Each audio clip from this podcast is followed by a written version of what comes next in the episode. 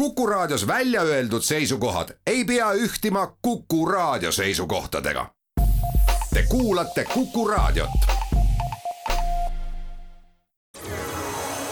loodusajakiri, vaata ka looduseajakiri.ee.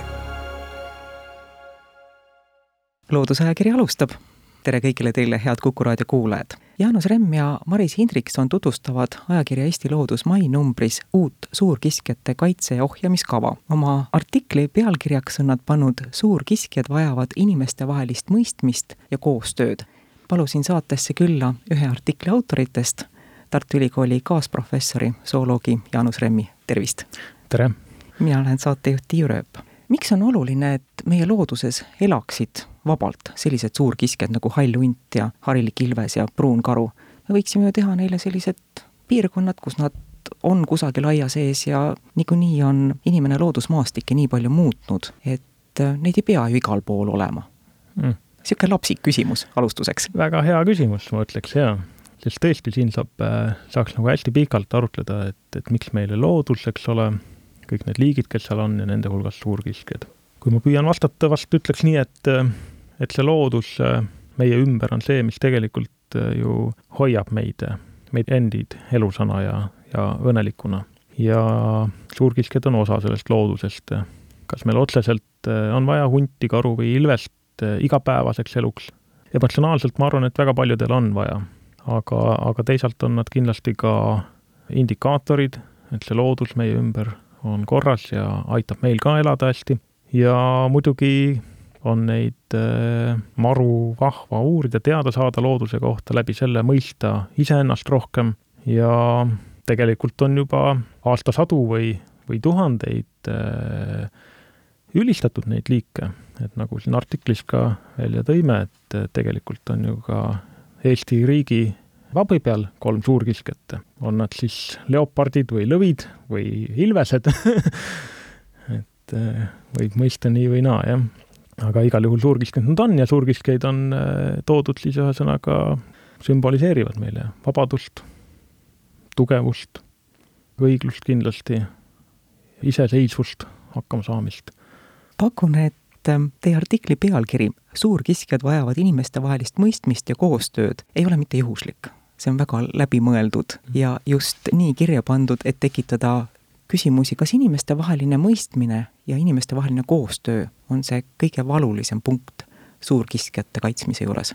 tundub nii, jah, et on, suurkiskjad on äh, sellised liigid, kõik need meie kolm suurkiskjaliiki on sellised, kes elavad äh, hästi suurtel kodupiirkondadel, hästi suuri alasid alustavad, et äh, kõigil liikidel võiks olla, et suurusjärk seal mõnisada kuni tuhat ruutkilomeetrit on selline kodupiirkonna suurus, hundil kõige suurem, ja karul ilvesel äh, väiksem, hunt on, on karjalise eluviisiga ja selle võrra siis on see, need kodupiirkonnad, karja kodupiirkond on suurem, kuna seal on rohkem isendeid ühes karjas. ja see omakorda toob kaasa selle, et nad oma elutegevuse käigus puutuvad kokku selle kodupiirkonna juurde hulgas nagu paljude erinevate piirkondadega ja inimestega ja neid ei mahu ühele pisikesele maalapile, nagu Eesti on, üldse väga palju, aga selleks, et äh, suurkiskjad või et üldse ühe bioloogilise liigi populatsioon oleks tugev ja jätkusuutlik, selleks peab seal olema kriitiline hulk isendeid. noh, suurkiskjate puhul on öeldud, et, et äh, populatsiooni suurus peaks olema vähemalt tuhat ligimise eas isendit ja no põhimõtteliselt jah, Eesti on nii väike, et siia ei mahu ühegi nende liigi puhul tuhat ära, see tähendab seda, et me peame selle populatsiooni jagama mitme riigi vahel ja et meil on vaja riikidevahelist koostööd, aga meil ju ka Eesti sees on äh, erinevad äh, maakattetüübid, põllumajandus, metsamajandus äh,, looduskaitse, loodusturism, kõik, kes sellesama pindala peale peavad ära mahtuma, kuhu ka need suurkiskjad, kuna suurkiskjad vajavad kogu seda pindala, siis on, on vaja ka, et need inimesed, kes sedasama ala kasutavad siis suurkiskjate hoidmisel, teeksid omavahel koostööd ja selleks, et koostöö oleks äh, tulemuslik, selleks muidugi on vajalik, et, et teineteist mõista. Suurkiskjate kaitse- ja ohjamiskava koostamisel sa puutusid kokku väga erinevate valdkondade, erinevate huvigruppide inimestega kuidas sulle tundub, kellesse meie suurkiskjatest suhtutakse kõige positiivsemalt või kõige neutraalsemalt? kes on pahilaps meie suurkiskjate hulgas? no Ilves ikka, Ilves ikka. suhtumise positiivsus on pöördväärtus siis negatiivsete kogemustest ja noh, need negatiivsed kogemused on need kahjud, mida suurkiskjad põhjustavad. hundid kipuvad murdma lambaid, karud kipuvad lõhkuma metsa rajatud mesilaid ja ilves kahjusid põhjustab väga harva ja selle võrra siis ka suhtumine on kõige positiivsem, kuna konflikte on kõige vähem elu on näidanud, et mitmesuguste arengukavade ja tegevuskavade koostamisel, pigem nende järel, tuleb välja, et keegi tunneb, nagu tema arvamust ei oleks üldse küsitudki, vähe sellest, sellega ei oleks arvestatudki. kas suurkiskjate kaitse ja ohjamiskava väljatöötamise ja kokkupaneku juures said kõik huvigrupid, kõik huvilised oma sõna öelda? jaa ja võiks öelda küll niimoodi, et äh, ma arvan küll, et me püüdsime, me nägime nagu äh, ikka suurt vaeva, et, et hästi palju osapooli saaks äh, kaasatud ja, ja kõik saaks ära kuulatud.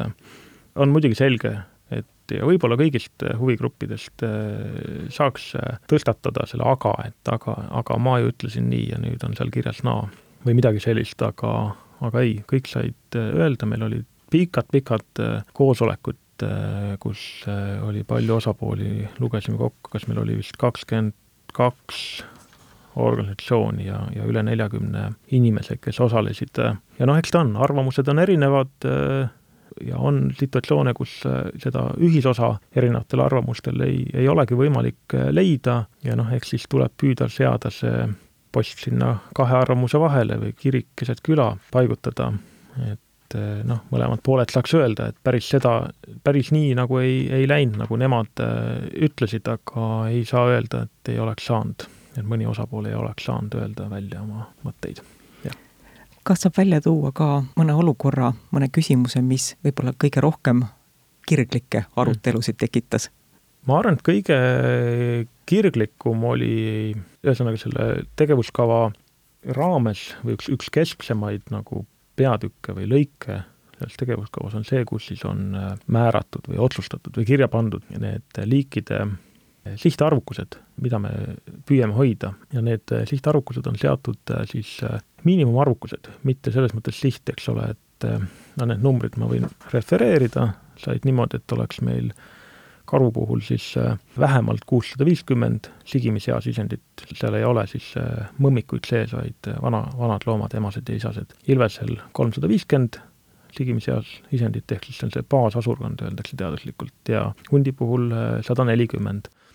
Need numbrid on kõik miinimum, eks ole, et sellest kõrgemale võib olla, aga, aga alla selle ei tohi. võib-olla kõige jah, kirglikum vaidlus oli selle hundi sihtnumbri puhul, et et, et kas ta on siis piisav või, või mitte ja et kas see tagab, et kuna meil on äh, looduskaitseline kohustus, eks ole, kõigi nende liikide jätkusuutlik äh, asurkond äh, tagada, et kas see, kas see sada nelikümmend täisealist hunti siis on piisav või ei ole, et kui me võtaksime Eesti isoleerituna muust maailmast, siis see oleks kaugel sellest, mis oleks vajalik, et noh, see tuhat isendit võiks umbes olla vähemalt, eks ole aga samas, kui me eeldame, et meil õnnestub koostööd teha vähemalt Euroopa Liidu sees, Eesti, Läti, Leedu, Poola, siis meil mahub ära tuhat looma, et, et siin see Balti populatsioon praegu hundi puhul hinnatakse seal umbes kahe tuhande looma ringi ja, ja et see sada nelikümmend, vähemalt sada nelikümmend olekski selline proportsionaalne osa siis Eestisse, kui võtta arvesse siis äh, selle hundi tähtsaimat elupaiga komponenti, ehk siis äh, uluksõralist biomassi, saakloomade biomassi. meil on aeg teha saatesse väike paus. loodusajakiri, vaata ka looduseajakiri.ee loodusajakiri läheb edasi. kuku raadio Tartu stuudios on zooloog Jaanus Remm ja saatejuht Tiiu Rööp ning me jätkame jutuajamist suurkiskjate kaitse ja ohjamiskava teemal. praegu kõneks olev suurkiskjate kaitse ja ohjamiskava ei ole teps mitte esimene.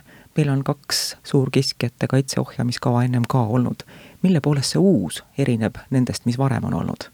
jaa, meil on olnud siis äh, neid äh, kaitse ja ohjamise tegevuskavasid on tehtud, tehakse sellise kümneaastase perioodide kaupa, esimene sai kaks tuhat kaks kuni kaks tuhat üksteist ja teine oli kaks tuhat kaksteist kuni kaks tuhat kakskümmend üks ja nüüd siis on kaks tuhat kakskümmend kaks ja ette nähtud see tegevuskava periood siis lõpeb kaks tuhat kolmkümmend üks aasta lõpus. ja maru hea küsimus, et selles mõttes, et jaa, me püüdsime teha selle palju parema ja üks hästi suur sisuline, ühesõnaga püüdsime arendada mitmelt poolt seda teemat, eks ole, nii teaduse areng kui ka seire, eks ole, teemat, aga võib-olla varasemast suuremat rõhku, kaks põhiasjaolu, kus me tahtsime panna, et üks on, on just nimelt see ühiskondlik koostöö ja laiapõhjalisus, mida me siis juba selle tegevuskava koostamisega hakkasime siis rakendama, et hästi palju osapooli nagu kutsusime laua taha, aga et selline printsiip peaks siis jätkuma kogu selle tegevuskava jooksul, et oleks selline koostöökogu, kus erinevad osapooled eh, saavad kokku tulla ja regulaarselt koguneda ja, ja neid eh, suurkiskjatega seotud teemasid läbi arutada, et selle asja kohta võiks öelda näiteks, eh, et suurkiskjate parlament, selline vaidlus, ümarlaud, et noh, loomulikult see ei ole selline seadusandliku jõuga parlament, aga aga selline vaidluskogu, nagu parlamendis toimuvad vaidlused ja asjad saavad siis selgeks ühiskondlikult. Et selline ühelt poolt siis see ühiskondlik laiapõhjalisus äh, oleks oluliselt suurem, kui, kui varem on olnud, ja teiselt poolt on siis selline liikide kaitse ja ohjamise alusprintsiibina uus, uus printsiip, selline kaitse ja ohjamisalade printsiipe, mis sai nüüd siis äh, sisse toodud või hoiu- ja ohjamisalade põhimõte, mille alusel siis äh, oleks äh, piirkonnad, kus äh, loodusmaastikud, kus saaks suurkiskja asurkonnad siis looduslikul või loomulikul moel areneda, mis tagaks nende loomulikuma liikide sotsiaalse struktuuri, näiteks hundi normaalse karja struktuuri, et, et ei lõhutaks neid hundikarju ära ja siis hunt on looduslikum ja eeldatavasti siis on väiksem oht, et, et hunt tuleb karja, kuna ta suudab suuri looduslikke saakloomi püüda. ehk siis need hoiualad ja teistpidi on siis ohjamisalad, ehk siis äh, läbi küttimise siis äh, liikide ohjamine suunatakse eelkõige piirkondadesse, kus nad on äh, korduvaid kahjustusi põhjustanud. ehk siis suunata, et lambad oleks terved ja, ja hundid söönud, jaa, seni ei ole nagu sellist printsiipi olnud või noh, ütleme, et on katsetatud väiksemas, väiksemas vormis, aga et, et nüüd peaks see üle Eesti minema eks see eeldab muidugi sellist arendustööd ja, ja analüüsimist, et kuidas see printsiip täpselt ellu viia, ega me täpselt ei tea. Aga noh, ega ühe tegevuskava, no ongi see kümne aasta periood, selle jooksul on terve rodu siis tegevusi, mis on ette nähtud ja sealhulgas siis sellised teadusuuringud, arendustegevused, planeeringud, igasugu tegevusi ja, ja loodame siis, et et meil õnnestub välja töötada selle tegevuskava jooksul selline hea süsteem, et see siis äh, jääb pikemaks ajaks püsima ja, ja suudame väikese Eestimaa peale mahutada rohkem suurkiskjaid niimoodi, et äh, nende põhjustatud kahjustused oleksid väiksemad. et suuname suurkiskjad hundid lammastest eemale, et see on võib-olla see kõige reljeefsem nagu situatsioon. aga noh, eks teistel liikidel on omad, omad olukorrad, et kuidas seda teha. jaa, ja siis on äh, kolmas põhimõtteline uus asi veel, mis me sisse tõime, on selline teema, et eh, neid kõiki neid kolme liiki, nende arvukust seiratakse, noh, selleks, et saaks teha otsuseid, neid ohjamisotsuseid, aga ka kaitsmisotsuseid. ja seni on võtmeparameeter, mille alusel nende liikide arvukust on siis hinnatud või mis on see mõõdik olnud, on olnud pesakondade arv. mitu pesakonda siis huntidel on olnud, ilvestel või siis karudel aastas aga sellega on, äh, on see häda, et see pesakondade arv on äh, üsna hea mõõdik äh, asurkonna juurdekasvu kohta ja, ja peale selle see, eriti hundil, kipub korreleeruma sellega, kui palju nad kahjustusi põhjustavad, ehk siis hea mõõdik liikide ohjamisotsuste tegemiseks, aga samal ajal on terve rodu asjaolusid, keerulisi asjaolusid, miks see pesakondade arv ei pruugi näidata hästi seda, kui heas seisus, looduskaitselises seisus see asurkond on. et noh, nimelt äh, ühe populatsiooni juurdekasv, aastane juurdekasv on äh, väike nii situatsioonis, kus äh, asurkond on väga väike ja nõrk, kui ka situatsioonis, kus asurkond on väga suur ja tal ei ole piisavalt ressurssi, et, et enam, enam kasvada. ja peale selle, nojah, ühesõnaga hästi keeruline ökoloogiline protsess. aga need liigid on meil kaitsealused ja siis me oleme sisse toonud sellise mõõdiku nagu baasasurkonna või põhiasurkonna suuruse, ehk siis sigimiseas isendite arvu, needsamad numbrid, mis ma ennist äh, iga liigi kohta ütlesin. ehk siis täiskasvanud isendite arve ja see on see mõõdik, mis siis võiks palju otsesemalt seostuda asurkonna elujõulisuse ehk siis looduskaitselise seisundiga.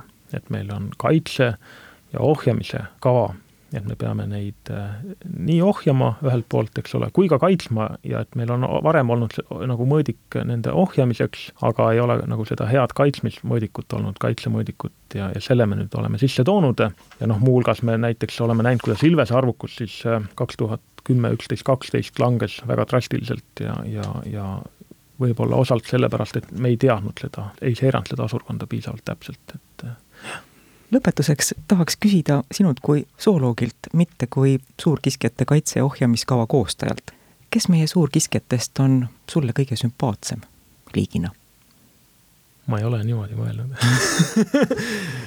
aga ma arvan, ma olen liiga nagu zooloog, et, et ma, mul on nagu kõik nagu väga sümpaatsed, nad on, neil on kõigil nagu omad eripärad ja, ja nad on omamoodi fantastilised nagu kõik. ma tõesti ei oska nagu öelda, et milline on kõige sümpaatsem. ma teeks liiga mõnele, kui, kui ma ühe välja ütleks et äh, jaa, selles mõttes äh, igav vastus, aga, aga, aga ma küll innustaks kõiki nagu õppima neid liike tundma ja nägema igas liigis äh, oma nagu seda erilisust sellega on saade tänaseks lõppenud. saatejuht Tiia Rööp tänab külalist, Tartu Ülikooli kaasprofessor Jaanus Remmi ja kõiki kuulajaid, kellest ärkas huvi uuest suurkiskjate kaitse- ja ohjamiskavast enamat teada. kui me saates rääkida jõudsime, siis esimene lihtsalt kättesaadav allikas on ajakirja Eesti Loodus maikuu number. loodusajakiri, vaata ka looduseajakiri.ee